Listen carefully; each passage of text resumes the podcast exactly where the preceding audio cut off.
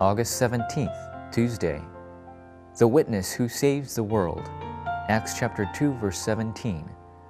In the last days God says, I will pour out my spirit on all people.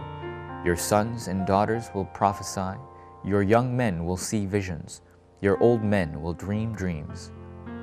God has called us to be witnesses of the gospel, witnesses to save the churches, and witnesses to save the world. When we depart from this world, we want to leave behind evidence that we enjoyed the blessing of evangelism and that we realistically enjoyed the kingdom of God. When the kingdom of God is present, God works through His Word through the Holy Spirit and sends His angels to do His work. When this happens, the forces of darkness are completely bound. What we need to leave behind is the enjoyment of God's kingdom on earth. Number one, God's kingdom should be conveyed to people whom you meet. Through you, every person you meet should know about God's kingdom. Then true healing will take place. The most significant problems for people are impatience and anxiety, and the tendency to act as they wish. These problems, realistically speaking, cannot be fixed without enjoying the kingdom of God. Nothing can win over the kingdom of God. Number two, God's kingdom should be conveyed to the world. We must share the mystery of God's kingdom with the world. God, who has all power in heaven and earth, called us to make disciples of all nations. He will be with us always.